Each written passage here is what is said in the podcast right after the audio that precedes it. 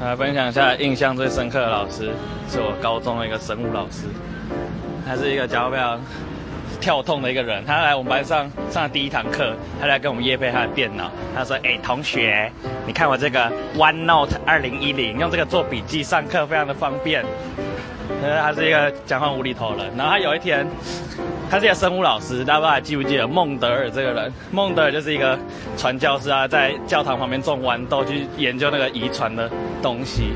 然后有一天他就说：“同学们，知不知道孟德尔为什么要种豌豆，不是种高丽菜？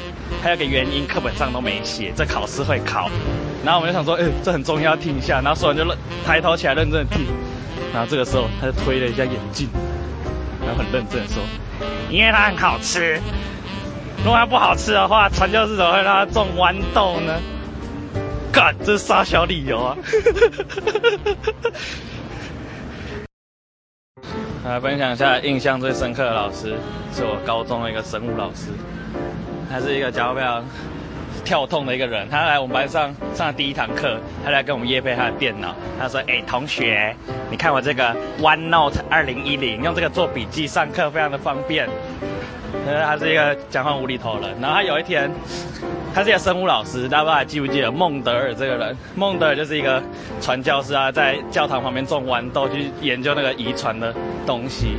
然后有一天他就说：“同学们，知不知道孟德尔为什么要种豌豆，不是种高丽菜？还有个原因，课本上都没写，这考试会考。”然后我们就想说：“哎，这很重要，听一下。”然后说完就抬头起来认真的听。